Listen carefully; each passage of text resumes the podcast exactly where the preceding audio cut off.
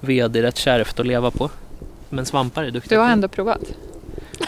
Jag svarar inte på det. Det var några tuffa år. Precis. Barkbröd och ved och Vad gör man inte? såg en Youtube-video om hur, my- corona. hur mycket- slut på hyllorna. hur mycket sågspån kan man ha i sina Rice Krispie Squares innan det smakar konstigt. 15 procent tror jag de kommer fram till. Jag gillar att de ändå landar i något. Precis. Det blir, ju mer man äter desto konstigare blir det för det ansamlas liksom mul i tänderna.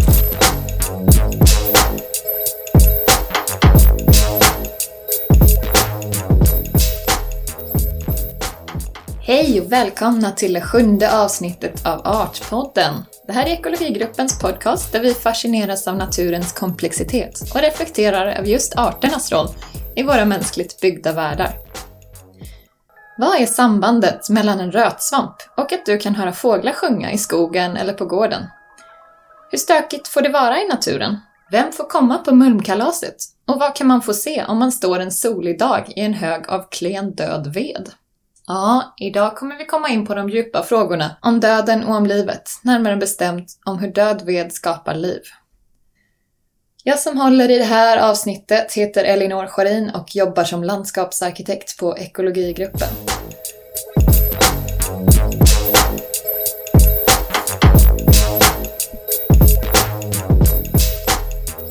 Vi lever i en tid då mycket står på spel. Förra året presenterades, som ni säkert hörde, den mest omfattande studien av livet på jorden som någonsin har genomförts. FNs expertpanel för biologisk mångfald bekräftar att vi befinner oss i en ny massutrotning av arter. Trenden ser tyvärr inte bättre ut i Sverige, men det finns mycket vi kan göra. FN har utnämnt år 2020 till 2030 till decenniet för återskapande av ekosystem. Det är något som jag och mina kollegor jobbar med varje dag. Inom stadsbyggnad så pratas det mycket om att jobba med ekosystemtjänster, men ofta så glömmer man bort själva ekosystemet. Man glömmer bort att det krävs fungerande, robusta och sammanlänkade ekosystem som byggs upp av en mångfald av arter i samspel med varandra. I naturliga skogar så får träden åldras, dö och brytas ner och falla till marken. Det är ingen som städar undan de döende träden som skapar ekologiska nischer för mängder av skogslevande organismer med olika preferenser. Sedan skogsbruket moderniserades på mitten av 1900-talet så har naturskogarna nästan försvunnit helt. De har ersatts av monokulturella plantager för produktion. Träd av samma art i samma ålder som avverkas samtidigt innan de hinner bli gamla, grova och bilda håligheter. I brist på variation och död ved så finns det inget utrymme för artrikedom. Även i rekreationsskogarna intill våra städer så städas det ofta rejält. De flesta är överens om att vi behöver natur i vardagen för att må bra. Och med natur så menar vi inte bara ett parti med träd. Nej, vi vill ha hela upplevelsen. Med dofterna, ljuden och djuren. Trummande hackspettar och med fågelsång. Men vad behöver de i sin tur? Vi startade Artpodden i höstas, mitt i svamparnas högsäsong. Idag så tar vi upp svamptråden igen, men den här gången så vill vi också zooma ut och titta på vad svampen har för roll både i våra ekosystem och i våra mänskligt byggda världar. Vad är det som händer när det mystiska museet får fäste i ett träd? För att ta reda på det så har vi med oss Rickard, Anna-Maria och Raul här i studion. Ja, jag är Rickard alltså, har vi sagt. Eh, jag är biolog och jobbar mycket med naturvärdesinventeringar och artinventeringar. Eh, Ute väldigt mycket och tittar på naturen. Eh, jag har fått förvarnat som att det här avsnittet kommer handla om död ved och det är ju väldigt spännande. Så då kände jag att det vill man ju vara med och diskutera. Det finns ju väldigt många spännande saker att säga om det. Ja, jag håller med. Eh, Anna-Maria heter jag. Jag är landskapsarkitekt eh, här på ekologigruppen men också gammal fältbiolog och extremt intresserad av eh, de här frågorna. Och jag lär mig nya saker om det här hela tiden så det ska bli jätteroligt att få vara med. Jag kanske mer kommer vara en som spekulerar över saker i det här samtalet och frågar dumma frågor. Men eh, det ser jag fram emot. Raul Vicenta här. Eh, och jag är också biolog slash ekolog. Och ja, mycket ute i naturen. Så till att börja med, varför är det här spännande att prata om? Det finns väl en massa spännande anledningar men det återkopplar lite till det här att de är grunden till så mycket annat. Att det är inte så mycket som kan liksom äta ved eller trä, för det är ganska svår, kämpig mat. Liksom. Man kan inte äta cellulosa, det krävs något annat som kan hjälpa en att bryta ner det. I alla fall de flesta djur har svårt med det. Liksom. Det är stora komplexa molekyler som är där de är på något sätt. Så de flesta djur är beroende av att svamp eller bakterier liksom hjälper till i den där processen för att få ut någon sorts energi från trä. Så därför måste man ju liksom ha svampen för att det ska bli något mer än bara träet.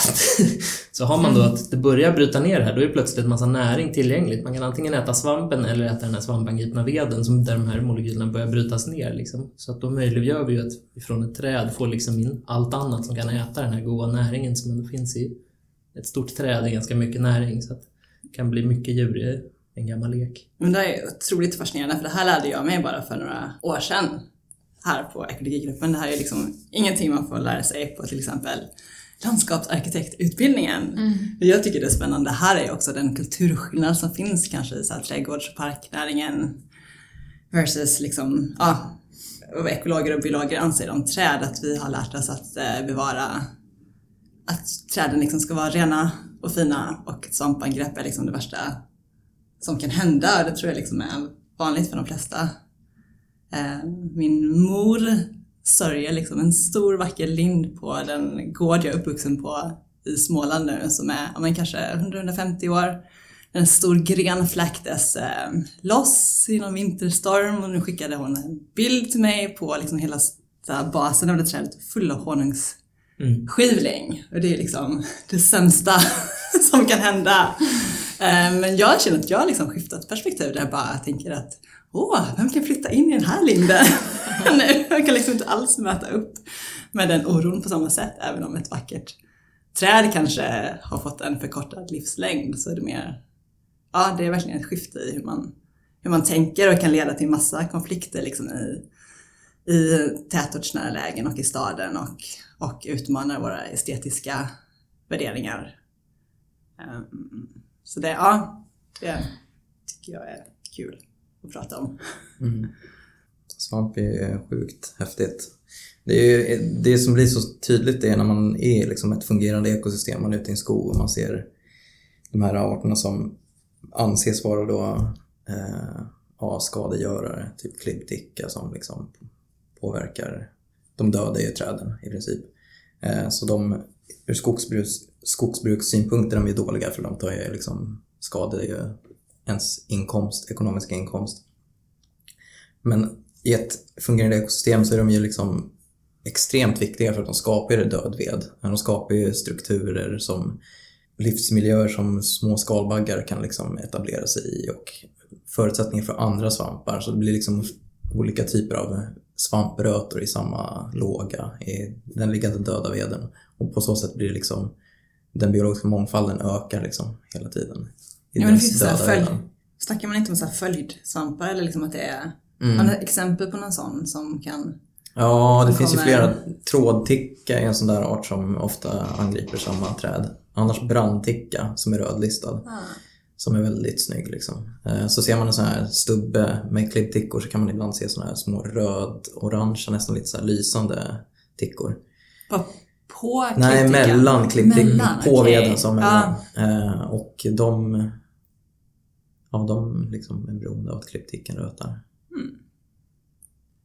Det är visst, visst är det så att klibbtickar de liksom pumpar ut vätska ur, de är ja. väldigt så här vätskedrivande ur de här stammarna. Så det blir mm. ganska torr ved som är mm. ganska ah. trist för många svampar men lämpar sig väldigt bra för just brandticka. Mm. Så att det blir ju liksom, beroende på vilken svamp som har angripit från början också så blir det ju väldigt olika förutsättningar. Så mm. klibbticka är en sån här rätt mystisk, liksom, det blir en ganska konstig ved av det. Mm. Och det är jättemånga skalbaggar som bara finns i sådana här klibbtick eh, rötad ved då, så att säga. Mm. Men det blir ett system. Ja, så samtidigt som det då flyttar in eh, eller skapas förutsättningar för skadegörare så skapas det också förutsättningar för predatorer på skadegörare. Det vill mm. säga alla andra skalbaggar förutom just den som, man kanske, som kanske inte är så poppis av skogsägare. Ja, fast själva, jag vet inte om just klibbtickan innebär att det kommer fler skadegörare utan det är väl mer att klibbticka och många andra svampar anses vara skadegörare. Mm. För de förstör ja, veden, ja. virket. Eh, Men så är det ju liksom, man pratar ju, i skogsbruket pratar man ju hela tiden om att de här barkborreangreppen då som sker nu, vilket till stor del sker ju för att man planterar till exempel gran på mark där den annars inte hade vuxit, torr mark. Och så räcker med ett torrår så stressar man ju träden och de dör och blir hemvist för barkborreangreppen. Då. Eh, men skogsbrukssidan pratar ju om att så här, ja, reservaten, skogsreservaten är ju de som sprider barkborrarna. Fast skogsreservaten är oftast utgörs till stor del av fungerande ekosystem där man har, förutom barkborrarna, man har ju alla predatorerna som angriper barkborrarna. Vet du vem det är som äter granbarkborre? Det är massor. Det är skalbaggar, det är liksom kortvingar, det är långhorningar, sen är det massa flugor då, eh, olika styltflugor. Sen är det massor av parasitsteklar som angriper dem. Och vad behöver alla de här för att kunna leva? De- En, grundförutsättning är att det alltid finns granbarkborrar, eller barkborrar. Finns det väldigt få, då finns det liksom inte en möjlighet att upprätthålla alla rovdjuren som går på dem, speciellt inte specialisterna. Och får man då en jätteökning under ett år, ja, visst, då kommer vi på ganska, ganska kort sikt få upp liksom de här parasittalen och predatortalen också. Sen kommer det krascha och så kommer det bli en dynamik av det. Men i ett naturligt system så är det där förmodligen balanserat att det går redan i en sån här cyklicitet. Så att alla de här komponenterna finns förhoppningsvis i ett så liksom orört system som möjligt. Men om vi däremot i en helt artificiell miljö plötsligt får jättemycket av liksom den första liksom steget i den här trofiska kedjan som jag gillar att komma tillbaka till. Då finns inte allt det andra liksom, så att då kommer vi också få en mycket större effekt liksom, av patogenen eller det som orsakar problemet. Mm. Själva de som steklarna, parasitsteklarna och de här rovflugorna och allt det där, de finns inte i det systemet. De har inte Alltså hunnit dit. systemet som är en, Skog. en, gran, En en, skog, en granplantering. granplantering. Ja. Ja. Mm, hur kommunicerar, går det här att- säga till en skogsägare? Det är ganska många skogsägare som man stöter på nu som är, det där är liksom ett jätteproblem. Hur, eh, hur handskas man med det? Ja, jag vet inte. Det är massa debattinlägg om det liksom, i Ja. alla tidningar. Men har det med de här torra somrarna att göra? Att det har liksom, är det värre än någonsin? Mm. Nej. Mm. Mm. Så monokulturer i kombination med eh, kanske extremväder gör att det spårar ur. Och finns det då inte variation i ekosystemet så blir det så här. Mm. Så. Mm. Det är ju samma mönster i alla, alla naturliga system. Har man åkermark där man har en monokultur, då man få väldigt mycket av det som angriper det man odlar. Mm. Och har man då till viss del pesticider så slår ju det ofta ut en massa annat också. Då kommer man hela tiden få den här att man har brist på det som är predatorer, på det man vill få Mm. bort. Och så har man, man kan aldrig bekämpa det första steget riktigt så mycket för att man slår alltid ut det andra först. Så då kommer det hela tiden studsa tillbaka så att man har alla de här ätande sakerna som man inte vill ha där. Varför finns det inte tillräckligt mycket död ved i landskapet idag? Vi har pratat en del om det, du kanske vill... Du kanske vill hugga in på frågan? Eh, mm, jag tänker att eh, ja, men det hänger ihop med liksom, att- man är fostrad i en, eh, i en, en kultur där man ska städa, städa skogen och hålla det snyggt och fint. Och en, ja, men också en skogsbrukstradition eh, där man tror att man har liksom, ja, men gjort alla en tjänst genom att hålla undan skadedjur, vilket kanske då blir lite backfire på. Ehm, men det är ju samma sak i parkmiljöer och i tätortsnära naturreservat, att många besökare upplever det som stökigt eh, och ovårdat för att man kanske har, har med sig eh, en annan bild från liksom, ens pappa kanske. Så här, man har, ja men tillbaka i, i ehm, olika traditioner liksom har, ehm, har eh, fått lära sig hur en skog ska se ut. Jag tänkte på det i, i morse när jag gick genom Årstaskogen till eh, vårt kontor här på Åsagatan.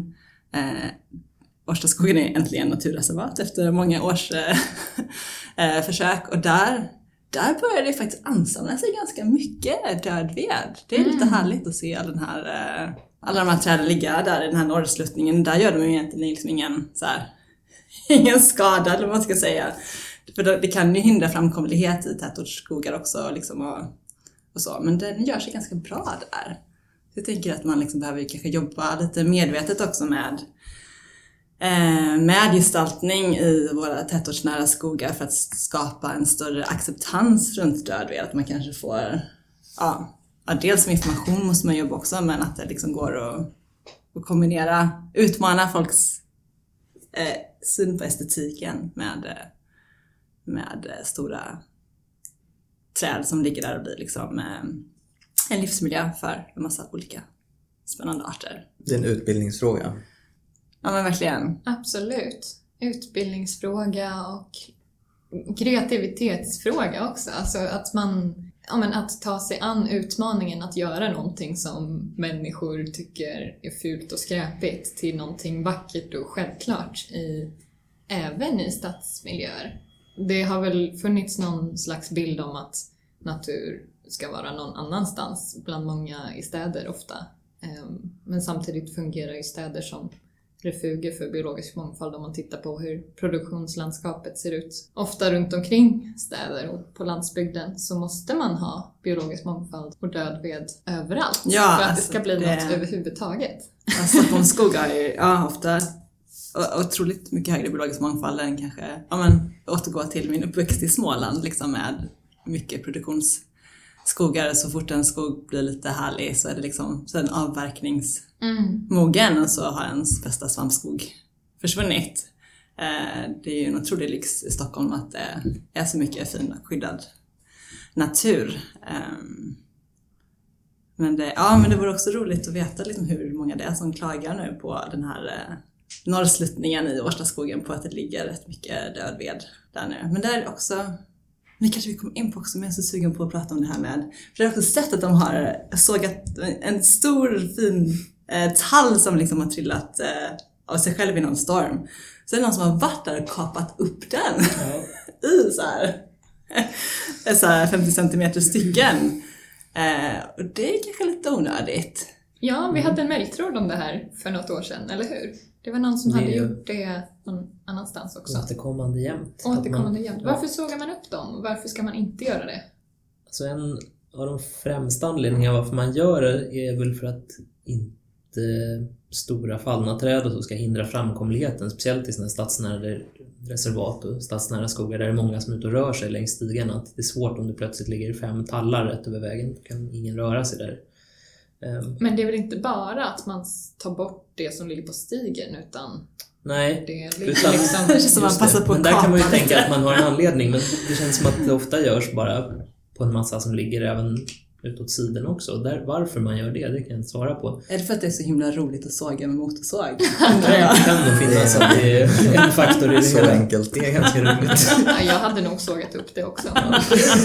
Precis. Det Varför ska man är som en skär i smör. Det är så roligt.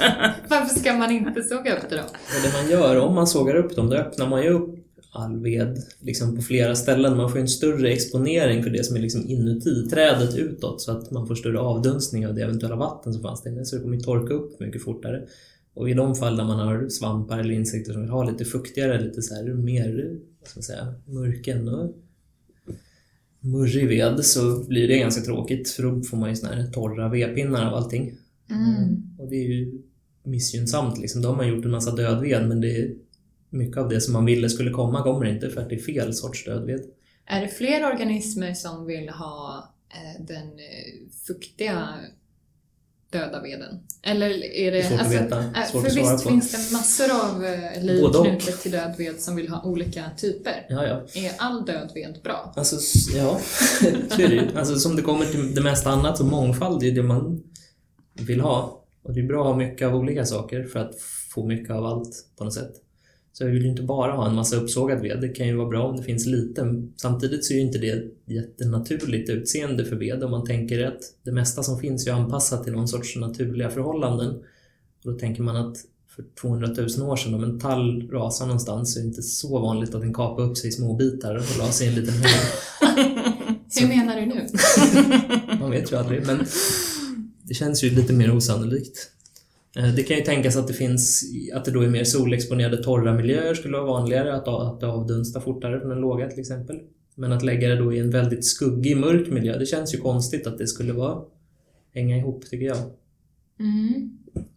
Är det någon särskild form av dödved som det är brist på i landskapet, förutom all dödved?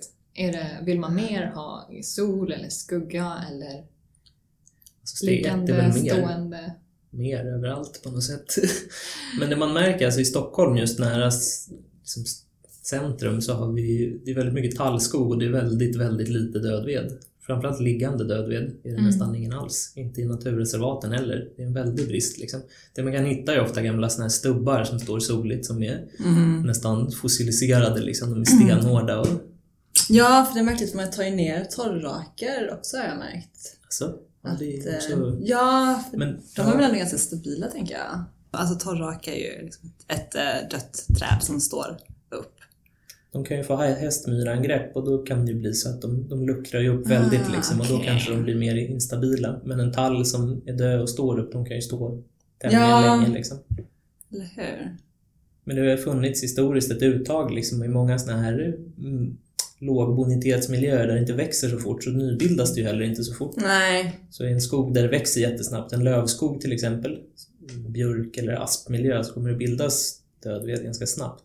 För att de har liksom en kortare Just ja. omloppstid. En ja. hällmarkstallskog där inget växer så tar det lång tid innan det har kommit nya lågor. Och de ligger kvar ganska länge å andra sidan också för att de liksom ligger och soltorkar. Men man brukar ju eh, hylla de här långlivade trädarterna mer än de kortlivade, även om det är de kortlivade som kanske ger dödved snabbare. Eh, hur, hur funkar det? Gör man? Här, det finns ju så otroligt många arter som är knutna till en gammal ek. Vad är det man säger? Att det skulle kunna vara tusen olika arter som, som kan vara kopplade direkt eller ja, det måste ju vara ännu fler indirekt till väldigt gamla ekar och det var ju ganska nyligen som det kom en studie om att granen är en sån up and coming eh, hjälte också. Eh, som skulle kunna ha ännu fler arter kopplade till sig om de är tillräckligt gamla. Och det är ju sådana arter som blir väldigt gamla. Eh, Trädslagen alltså? Ja, precis. Mm. Ja, trädslagen. Ehm, gran och ek. Eh, men biologer brukar ju inte vara lika förtjusta i till exempel björk fastän de då borde bilda dödved snabbare. Mm. Vad beror det på? Jag vet inte. Har, väl, har man inte alltid... Fast jag vet inte, biologerna gillar väl alla träd? Gör de inte det? Har inte, ni, har inte ni favoriter? Så har inte jag upplevt det. Jo, det är fast- alltid så tall och ek som är liksom... Fast min favorit är typ asp. Som växer snabbt. Och... Asp! Det är ju helt befängt. Nej, men de är fina. Varför är din favorit asp då? Ja, men jag vet inte. Det är en art som det pratas alldeles för lite om. Ah, du vill ge uppmärksamhet åt doldisarna liksom. Ja, absolut. Vad Nej, men den är schysst. Den är, jag tycker den är snygg och växer till sig grovt snabbt och bildar snabbt håligheter. Och, och sen, de är ju långlivade också, själva liksom, alltså inte själva träden behöver nödvändigtvis bli långlivade. Fast de kan bli det också i vissa sammanhang. Men de bildar ju ofta så här klonala bestånd, så de är liksom med rotskott och sånt där så sticker det upp. Man ser ju oftast att det, man kan ha ett bryn med massa aspar. Oftast är det ju samma individ. Mm. Det är bara olika... Så står de och växer. Ja, så här, skuggar en ek. Ja, då kan man slänga bort dem. Men oftast så kan det, här klonbeståndet med asp, även om träden, alltså själva träden är unga, så själva beståndet gammalt. Så man kan ju ha ganska lång kontinuitet liksom. Där beståndet kan ha funnits i liksom 200 år. Mm. Och det gör ju Ja, att många arter kan finnas kvar liksom, i det beståndet Ah, också. Det är en självföryngrande. Ja, de liksom hoppar mellan Mm. träd i samma klonbestånd så att Mm. säga. Svampar till exempel. Liksom. Jag har hittat apelticka som är väldigt eh, ovanlig och rödlistad. Rödlistad som sårbar just i sådana kl- klonbestånd med asp. Mm. Och på ett så här aspar som är ja, en arm, arm liksom tjock bara. Mm. Det är den plant, alltså själva det beståndet är ju säkert gammalt. Ja, Kan det inte vara lite det här att asp och björk framförallt har lite dåligt anseende? De växer ju väldigt fort, kommer ju upp snabbt liksom. ja för man de kan ju bli rätt gamla då. Ja. Alltså en björk kan väl bli liksom ändå några hundra Men sådana år. björkar är inte så vanliga. Nej, Men sådana aspar heller. men det känns som att, så här, att den så här, björken blir inte så gammal så då är det ingen idé att och odla, eller liksom plantera den. Men de kan ju hänga i rätt länge Ja. ändå. På, på Öland kollar de ju, var det några lav och moss-snubbar som kollade på, ja de kollade mest lavar då, eh, i Ottenby på Öland. Och där är det ju, det är ek, ask, ja, lönn och det är liksom alla träslag och björk och allt möjligt. Och det tredje artrikaste trädet, det var efter ek och något annat ädellövträd tror jag. Det var det björk som var tre, tredje artrikaste trädet. Mm. Oj. På Vi ska inte lava vara då? så snabba och döma med andra ord. Nej. I allmänhet kan man väl säga att gam, gamla träd helt enkelt och inte döma Exakt. ut Ja. in, någon inhemsk trädslag. Det är brist på gamla träd och dödved. Mm. Men var växte ens lavarna? Får man tänka sig en björk? Var det på stammen eller liksom ute på grenarna? På stam och grenar säkert. Okej, för man, nej, för man tänker ju aldrig att man ska gå fram. För Om man ser en ek så, till och med jag som landskapsarkitekt går ju alltid fram och kollar lite om inte något roligt Om det går förbi björkarna. Ja, jag skulle aldrig stanna och kolla Nej. på en björk. Men skulle du stanna liksom på en ek som är stor som en arm? Nej, Nej. inte det heller. Ja. Nej, gamla träd är alltid värdefulla. Alltså en fördel, eller fördel och fördel, men en skillnad som ekarna har är ju liksom att de har sin döda ved inuti sig på något sätt, med sig som någon slags sköldpadda. Om man tänker såna här gamla hålbjörkar och såna här som ser ut som ett C liksom, som bara är ett stort hål med någon sorts kant runt. Sådana ser man ju liksom inte. Ekarna är otroligt seglivade och de har en otrolig liksom strukturell hållfasthet också. De står fast de bara blir ihåligare och ihåligare. Medan många andra trädslag Ja, rasar så fort det blir hålbildningar i stammarna. Att de är inte tillräckligt hårda för att hålla upp sig. Just det. Så att där har man ju en skillnad. I ett bestånd av andra trädslag så måste det liksom finnas mark, död ved på marken för att få upp den här diversiteten av vedlevande insekter. Och det har vi ju konstaterat en brist nästan överallt. Mm. Men i ett ekbestånd då har man ju den döda veden, även om den inte ligger på marken så finns det inne i träden och uppe i kronan ofta. Mm. Så därför kan man ofta få en stor diversitet även utan markliggande död ved av vedlevande insekter. Men de flesta träden har väl kraft, alltså stor hållbarhet. Alltså man ser ju björkar som är helt ihåliga och säkert 120 år gamla på hällmarks. Frågan är om de har stått så i 120 år? Eller liksom i, hur länge kan de stå när de väl blir så ihåliga? Ja, det är en jätteintressant fråga. Men det har ju också med liksom växtplats att göra. Så åker man till fjällen så ser man ju, där växer ju allting långsamt. Så där har man ju Ja, är sant. säkert björkar som är liksom gamla som våra ekar. Kanske inte riktigt men alltså de börjar bli riktigt gamla Ja. och de är ju helt enormt maffiga att titta på. Så hur ihåliga. länge kan träd brytas ner av svampar och ändå, fortsätta, och ändå leva? Ehm, Det beror det- på vad det är för svamp. ja, För träd. det Och var klassiska att det beror på svaret. Ja. Såklart. Det, Jag tycker jag ska undersöka den här linden nu på mina föräldrars gård och se hur snabbt det går innan den liksom innan den tuggas upp då av den här eh, honungsskivlingen. Eh, det blir intressant.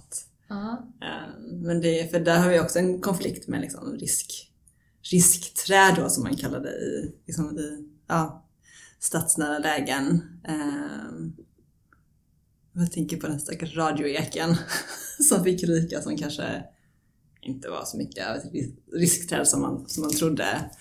Och eh, vi jobbar i en annan, annan detaljplan just nu i Stockholmsområdet med en, liksom, en gammal eh, allé med värdefulla ädellövträd där man liksom på en gång liksom börjar prata om så att restaurera den. Och det kan ju innebära alla möjliga saker. Och det liksom är, för det visst är det hamlade askar.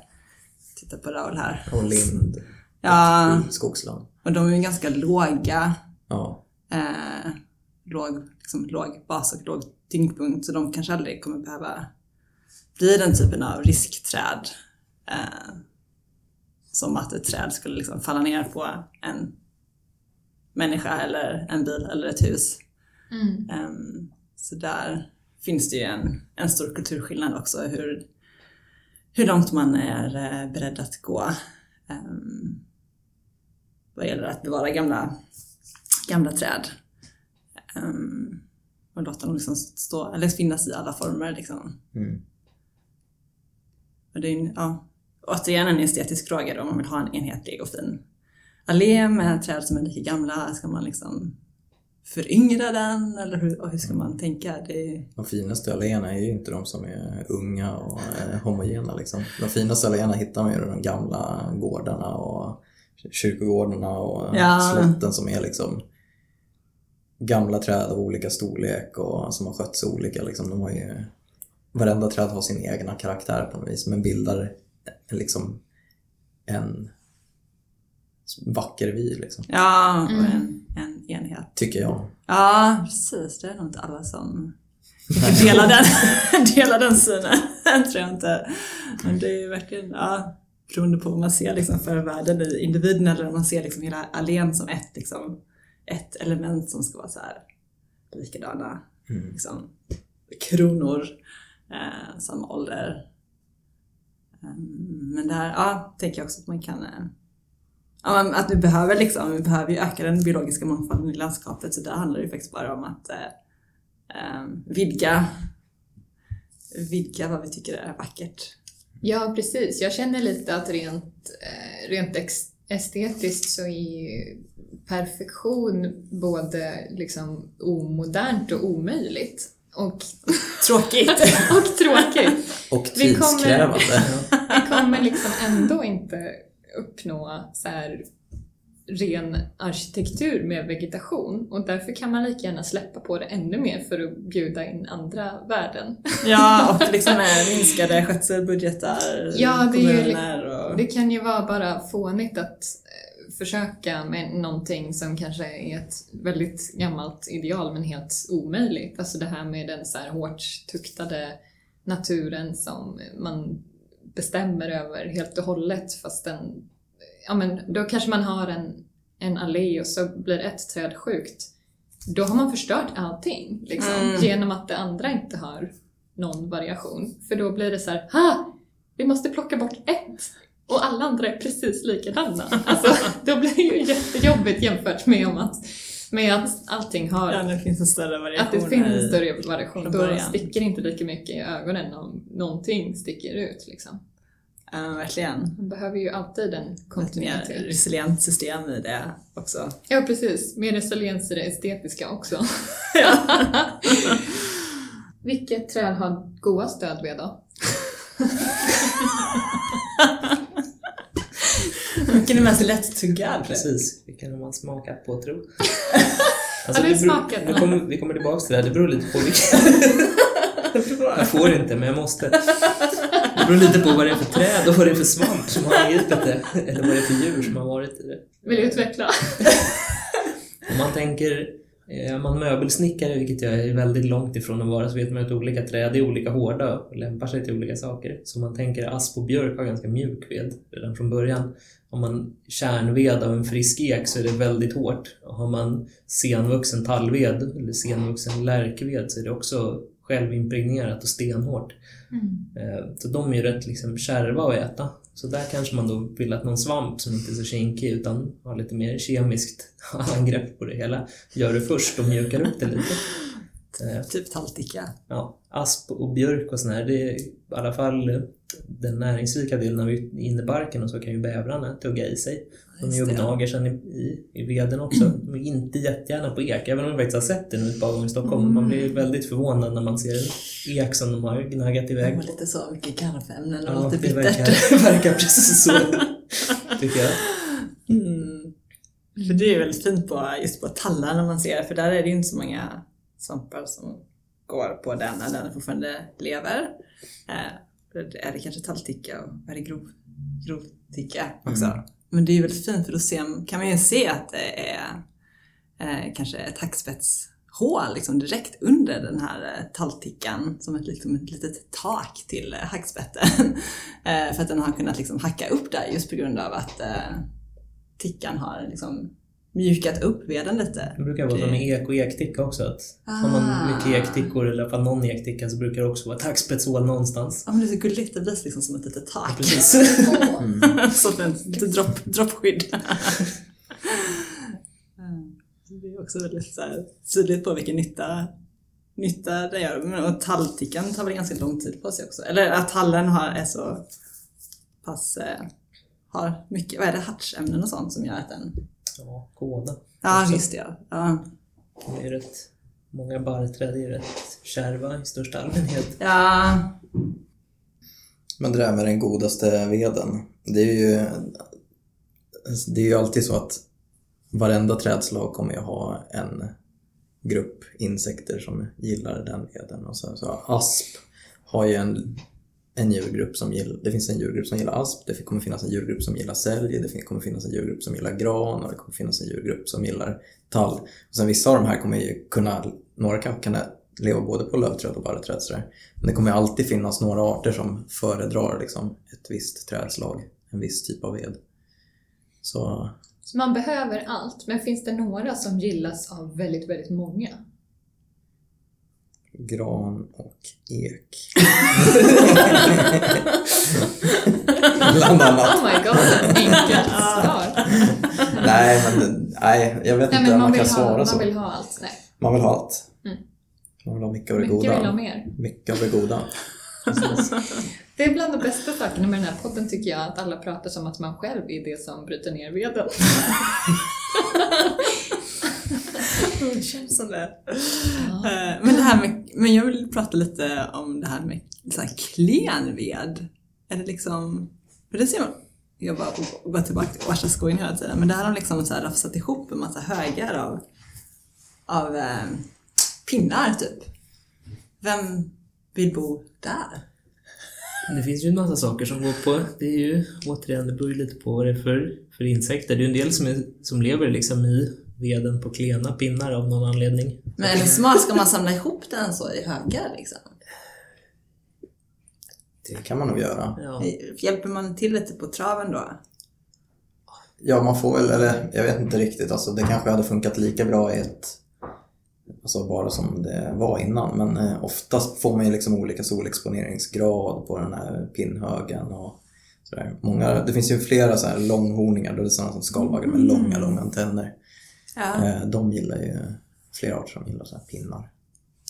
Mhm. Så om man står en solig dag i en sån här pinnhög i typ juni, juli, då kan man kanske se de där skalbaggarna springa runt där. De är några av mina favoriter. Ja, Långhorningar eller kvistbockar speciellt. Jag gillar långhorningar. Ja. ja. Ja men väldigt snygga. De är väldigt snygga. Coola med den där långa. Mm. Ja, de är som liksom insekternas stenbockar. Ja insekternas Rolls Royce. Precis vad jag hade tänkt säga. De är De har lite ju, högljudda också. Jag gillar insekter som låter. Eh, Hur högljudda tycker du att Alltså de om man, är? om man lyfter på en så blir Ja. den ju arg och säger såhär. Mm, Oj! gnisslar. det är en viss grupp av de skaver så här med halsskölden bakåt med huvudet så gnisslar det. Ah, det är så roligt! Så retar de stackars djuren. Ut i skogen, och lyft på Det finns, det finns det påstås att med Videbock som är en sån här sagofigur som man aldrig hittar. Det är en stora förtret, en stor svart tjock grej liksom, som lever på viderötter. Att den piper. Den så här gnisslar verkligen så att det är så här, ja, men den går att hitta genom man går ut i sån här snårig sumpvideskog och knackar på rötterna så ska jag liksom bli upphetsad och sitta och pipa och gnissla. Det gör man ju. Det är helt. Många blöta stövlar utan pipande kan jag säga. Har du letat mycket? Ja. Jag har inte sett någon hittills i mitt liv. Så att, man får gå över till att gå ut och gå bara mycket. Kanske man hittar någon till slut. Det är svårt att vara knäpptyst samtidigt som man är ute i blötan med stövlar och knackar också. Mycket svordomar som hindrar liksom, Det blir mer censurpipa. Ja, precis. Ja, det blir en fortsatt eh, jakt. Långhorningar sen, de är ju rätt spännande. De, är ju, de har ju en stor grupp skalbaggar som man ibland kallar för fytofaga som är just sån här då, växtätare eller vedätare. De är ju vedlevande i princip allihop i Sverige i alla fall. Det är en del som lever inne i örter också. Eh, men de äter ju då liksom ved. Så vissa av dem är specialiserade på att krypa runt just liksom i innebarken som är den del där det faktiskt cirkulerar näring, som är trädets liksom levande del där de transporterar socker till sig själv. Men andra lever ju längst in liksom i kärnveden, där finns det ju inte mycket att äta. Och då har de speciella liksom, såna här magsymbioser med svampar eller bakterier så de kan bryta ner det där fortlöpande hos larverna. Så att den vuxna honan då för över liksom någon sorts flora av bra vednedbrytargrejer att ha i magen Wow. till larverna. Det är helt sjukt. Men lever den liksom hela sitt liv inne i... Större delen av livet. Så att det vi ser med skalbaggar är ju liksom Ja, slutstadiet just i det. förökningsskedet. Det har typ tagit två, tre, fyra år för den Ja. att bli sådär. Och sen är Ah. de ute i tre veckor och sen Ja, that's it. Åh. Den är- Sländor. Då är, och, och jag tyckte liksom att det var en favorit utan att ens veta om det här. Det är ju helt sjukt. Ja. Men svampen är alltid med. Precis. Jag är alltid med. Ja, men det finns ju också såna här skalbaggar, så här, på tal om borrar. Det finns ju flera så här mindre märgborre och skarptandad barkborre. Eller ja, heter den så? Tror jag. Det är som en sabeltandade varianten liksom. Ja, ja men den har jättelånga skarpa taggar på. Och de impar in svamp i veden. Åh, Så de wow. liksom de bär ju på svampar som de liksom impar in i veden för att det ska bli mer näring Hur, i hur veden. bär de svampen? Jag tror de har någon körtel, att de bär i, liksom, någon i munnen på något vis. Så bara spottar de Wow. ut lite Så inte det som alme... Alltså almsjuk... Den är ju överförd de- med en liten Ja. bibelsläkting. Precis. Ja. Det här är ett annat spännande ämne. Kan vi inte prata lite om eh, vilka, vilka angrepp man inte vill ha? Dels så, för dels har vi ju svampar som bryter ner och då bildas liv och alla, alla, allt bara blomstrar och vi vill ha så mycket död ved som möjligt. Och samtidigt så är det skrik och panik med, med almsjuka och askskottsjuka och nu blir alla väldigt glada för att det finns, det finns eh, hopp för att få stopp på ask Eh, döendet. Ehm, så hur kommer det sig att det inte är bra ur ekologisk synvinkel? En stor skillnad med det är väl hastighet, hastigheten i själva sjukdomsförloppet. Att många av de här större liksom, vedsvampstickorna, det går ganska långsamt från det att de etablerar sig i trädet till det att det är dött och liksom är borta. Medan almsjuka går ganska fort. Liksom när en gammal alm har blivit angripen av det så är den liksom stendöd på ganska kort tid. Och de sprider sig, som många andra svampar, väldigt långa avstånd. Eh, men det stora problemet i och med att det har gått så fort är att det, liksom, det slår ut hela den gamla populationen. Det hinner inte komma någon ersättningsgeneration för att föra över då. Det finns ju väldigt liksom, rik lavflora på speciellt gamla askar och gamla almar. Att de hinner liksom inte ha nya värdträd att etablera sig på innan hela det gamla skiktet är liksom stendött och tappat all bark. Och det är ju väldigt många, om inte alla till och med, som är liksom specialister på, på almbark som är rödlistade nu just för att Mm det finns liksom inte substrat för dem att etablera sig på. Om almarna försvinner så försvinner alla de där lavarna också. Så det man vill ha är gå lite eh, långsammare. resist, resistenta träd som klarar av angrepp en viss tid och, och svampar som kanske har eh, levt på eh, askar i Asien då har eh, kunnat leva på de askarna där länge men om de kommer hit så finns det ingen resistent och, resistens och då ryker När det kommer till allt. Ja, precis. Det är ju, I Nordamerika har de ju problem med en annan svamp som slår ut kastanjer som har kommit från Europa. De har tagit död på hela kastanjeskogsbältet i Nordamerika. Bara så här, inga vuxna kastanjer längre. Med Alls. andra ord vill man ha inhemska svampar och inte invasiva svampar. Ja, det är ju tråkigt. Men det man kan få med sån här resistens, det är ofta en kostnad för organismen att vara resistent. Att då producerar man kanske någonting som gör att svamparna inte klarar sig till exempel. Bara att det kostar ju en massa energi och då kanske man i slutändan får lägre fitness eller man får färre liksom, avkomma än vad träd som inte gör det här. Och Mm. finns inte den här parasiten eller den här sjukdomen, då tjänar man på att inte vara, göra något skydd.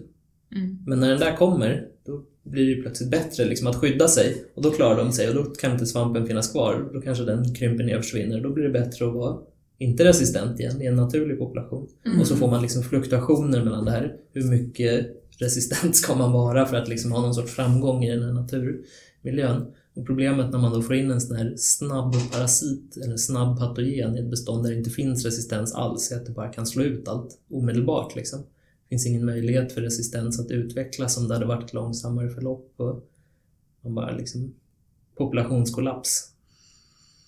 Men det är inte så bra för, för då kommer ju... Den sabbar ju för sig själv också. Ja, men det Det, det tänker ni inte på. inte så lätt kommer inte ha något att äta. Ja. Jag är inte så duktiga på att tänka på det heller alltid tror jag. Ingenstans att bo. Dålig långsiktig planering. Men kan vi inte prata lite om eh, hur det går till när, när djur flyttar in i ett träd som dör?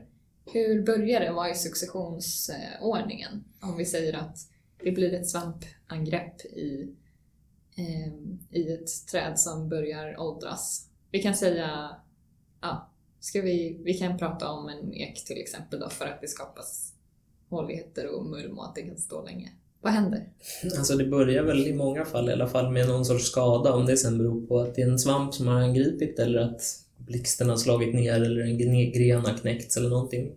Träden har ju liksom ett, en hud som skyddar dem med barken så att det kommer ju liksom inte in något i de goda bitarna i mitten om det inte uppstår någon liten liksom väg in till det. Eh, jag är lite osäker på det om hur etableringsförmågan hos vedsvampar på helt friska och oskadade träd. Om de klarar att ta sig in liksom genom bark också, eller om de behöver någon liten inkörsport liksom, där de kan etablera sig. Men hur som helst så Eh, vedsvamparna växer in och börjar liksom livnära sig då antingen på lignin eller på cellulosa beroende på vad de vill ha för något. Och då börjar ju det där mjukas upp. Och lite beroende på svamp och träslag så kan man få insekter som angriper själva fruktkropparna. Vissa vedsvampar sätter ju fruktkroppar som är liksom fleråriga. Som man tänker sig ur en ekticka eller en tallticka ser ut så växer de ju ut liksom med ett nytt porlager nästan varje år, i alla fall på undersidan, så att de växer ut så som en liten hov.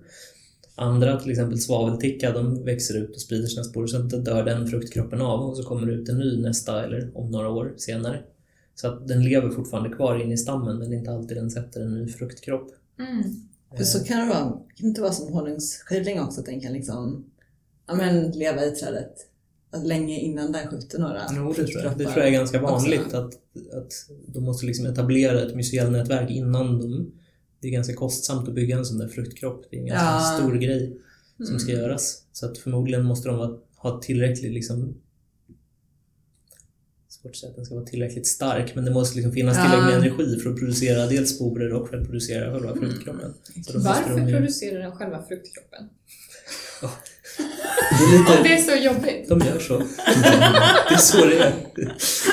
Är det för att det ska bli ett tak till eh, den som bor i. Precis, precis. Om man tänker sig att man har ett mycel inne i marken, nere i marken eller inne i ett träd, så ska sporerna ut. Om man producerar en massa sporer nere i marken som en tryffel eller in i trädet, det, då kommer man inte så långt. Man måste liksom ut, ut i vinden. Annars, Man måste ut. ja, annars så blir det inget bra. Då kommer man inte någonstans. Man kan ju växa vegetativt, jag menar svamphyfrorna kan ju krypa ut så här, etablera sig åt alla håll. Men då plötsligt så kommer man ju till en kant, om det är kusten eller ett, något annat. Så över Så, all, så långt kan man inte växa. Så att svamparna måste liksom sprida sig på något sätt. Och då är ju ett bra sätt att man skickar ut någon sorts organ liksom, där sporerna kan bildas upp i luften. De kan blåsa och så kan de, de är ju små så de kan ju spridas långt med vinden. Liksom. Så om det blåser på en ticka färdas eh, sporer med vinden? Ja, och du andas in dem hela tiden. Mm.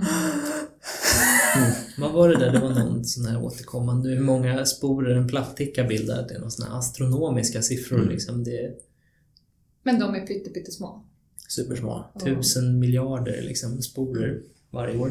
Det är liksom bara några enstaka mikrometer. Wow. Jättewow!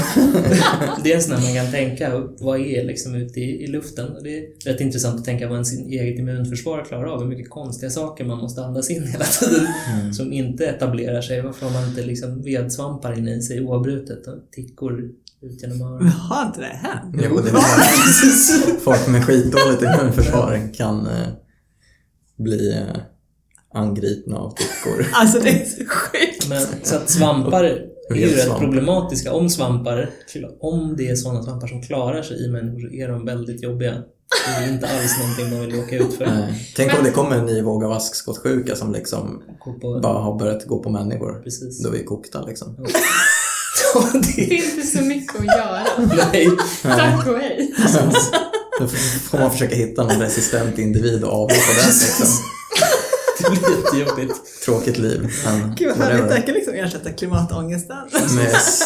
Men det kanske kan lösa klimatkrisen. Ja, det. Åh gud. Ja. Eh, ehm, Ja men precis, så då, fruktkroppar då, för att komma tillbaks till ehm, så att då kan det komma insekter som angriper själva fruktkroppen.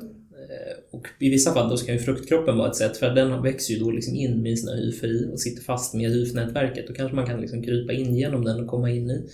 Eh, Visst är det, visst är det jättesvampmal själva- det till exempel, att de liksom går in i veden genom Mm. fnösktickor in Ja. i såna här Oj, det blir angripna liksom som björkar. en gateway in till... Wow! Öppnar sig en ny värld. Så precis. döda veden exponeras ju. Precis, och då varje grej som liksom kryper in i det där, desto mer små hål och grejer blir det. Till slut så öppnar det sig liksom och då blir det någon sorts fuktig, mörk, härlig gogga där inne där det säkert kan växa andra liksom mögel och konstiga andra svampar som inte är den här vedsvampen. Så att det blir Berätta sorts... mer om det härliga inne i trädet. Den döda veden. Eller geggan. Mulmen. Mulmen. Precis. Till slut när massa saker har grävt runt och svampar har etablerat sig, då får man ju någon sorts blandning av lösa döda svamphyfer, levande svamphyfer, döda vedfragment och liksom döda djur och grejer. Så att det blir någon sorts härlig liksom där inne. Man hör låter på verkligen det är. jättehärligt. Precis. Ja. Och det där är ju guld liksom för en massa saker att bo i. Man kan vara en liten skalbagge som äter de här svamptrådarna. Man kan vara en lite större skalbagge som äter små skalbaggar. Eller man kan vara någon sorts svamp som äter veden eller en svamp som äter skalbaggar. Det finns alla möjliga kombinationer. För då bor de i det Precis. mulmen också. Där är det inte så jobbigt att gräva sig. Nej, det är ju väldigt mjukt liksom, så det- det kan man bara liksom dra runt som någon slags fint sandpulver. Mm. Som Som kaff, på det är lite som torr liksom bryggkaffepulver i Mm. konsistensen. Ja, det är väldigt speciellt. Jag skulle vilja prata lite om alla andra som flyttar in också, större djur. För när veden mjuknar så kan hackspettar börja eh, hacka också. Eller kan, de, kan hackspettar hacka hål i, eh, i fullt vitala träd också? Eh, ja, fast det gör de inte om inte det finns mat. Nej, Eh, de så- letar efter mat ja. och gör hål på en gång där man kan flytta in om man vill. ja, antingen dels hackar de för att gö- göra mat eller så hackar de för att skapa ett bo, eh, en boplats. Eh, och boplatsen kan ju vara i ett friskträd. Eh, så de skapar en hålighet. Till exempel spillkråka är en sån art som, och större hackspett, de gillar ju asp för att veden är mjuk som vi nämnde tidigare. Sälj också sånt. Ehm, och när de har gjort hålet, då blir det direkt liksom perfekt boplats för insekter. Så de är ju som nyckel... Eh, spillkråka brukar man prata om är en sån här nyckelart i skogsekosystem för att den skapar livsmiljöer för alla andra. Så den, eh, Är det, spill, är det spillkråkan istället för alla andra hackspettar för att den är starkast och går på, går på hårdast ved? Eller varför Ja, också för att den, eh, använd, den har så stora arealer men man ofta, och den skapar ofta stora hål. Så bohålen för, från spillkråkor kan bli hemvist för ugglor, pärluggla och det kan bli hemvist för mårdar och stenmård och skogsmård och sånt där. Eh, och det blir ju liksom det blir ett mulmkalas där inne också allt eftersom liksom, veden luckras upp och det är fågelrester och svamprester och allt möjligt. Murmkalas ska man bjuda in till. Ja, ja men det är det spillkråkorna gör, så därför är de är nyckelarter. Liksom. Men då bor det liksom en massa och då kan det bo en massa insekter där samtidigt som det bor en fågel där. Och Ja, det gör det. det. Är liksom, Alltid. det är jättemånga olika Ja. hyres... Hur det är i botten av det där hålet efter ett par generationers hackspettsfamiljer som har bott Ja. där. Det ansamlas någonstans. Men de, Men, de, men de vi- skapar gre- grejen med... Jag vill prata mer om det här. ja, men, eh, de bor ju inte i samma hål varje år, utan de skapar ju nya hål hela tiden. Så de skapar ju liksom livsmiljöer konstant. Eh, Så, Varför byter de hål varje år? ja, men det är väl fräschhetssynpunkt tror jag. är det bara de som det är ju inte så nice att bo i en det, multikalas. är det liksom. så för att är det så för att de kan? Och andra fåglar kanske gärna skulle ha fräschör, men de har inte lika starka näbbar och halsar Nej. som kan hacka egna, så de måste bo i munkalaset. Efter Ja, men lite så. Nej men precis, hackspettarna kan ju hacka ut saker men det kan ju inte till exempel en talgoxe eller blåmes eller en stare. Så den får ju, Kan de inte ens hacka i mjuk ved som Nej. har blivit nedbruten länge? nej inte tillräckligt för att kunna hacka ut ett bohål. Så de är beroende av hackspettar eller att det blir någon form av skada i trädet eller så. Ja. Så nästan alla eh, träd eller hållevande fåglar och, och fladdermöss är beroende av eh, gamla träd och hackspettar. Mm. Precis. Det är därför man alltid så här, alla skogsbiologer ehm, har ju alltid liksom, och skogsfågelskådare, de är, det finns ju någonting särskilt med just hackspettar för att de är liksom så viktiga i, många arter hittar man ju bara i finare skogar. Mm. Men den mindre hackspetten också och Jajamän. göra hål?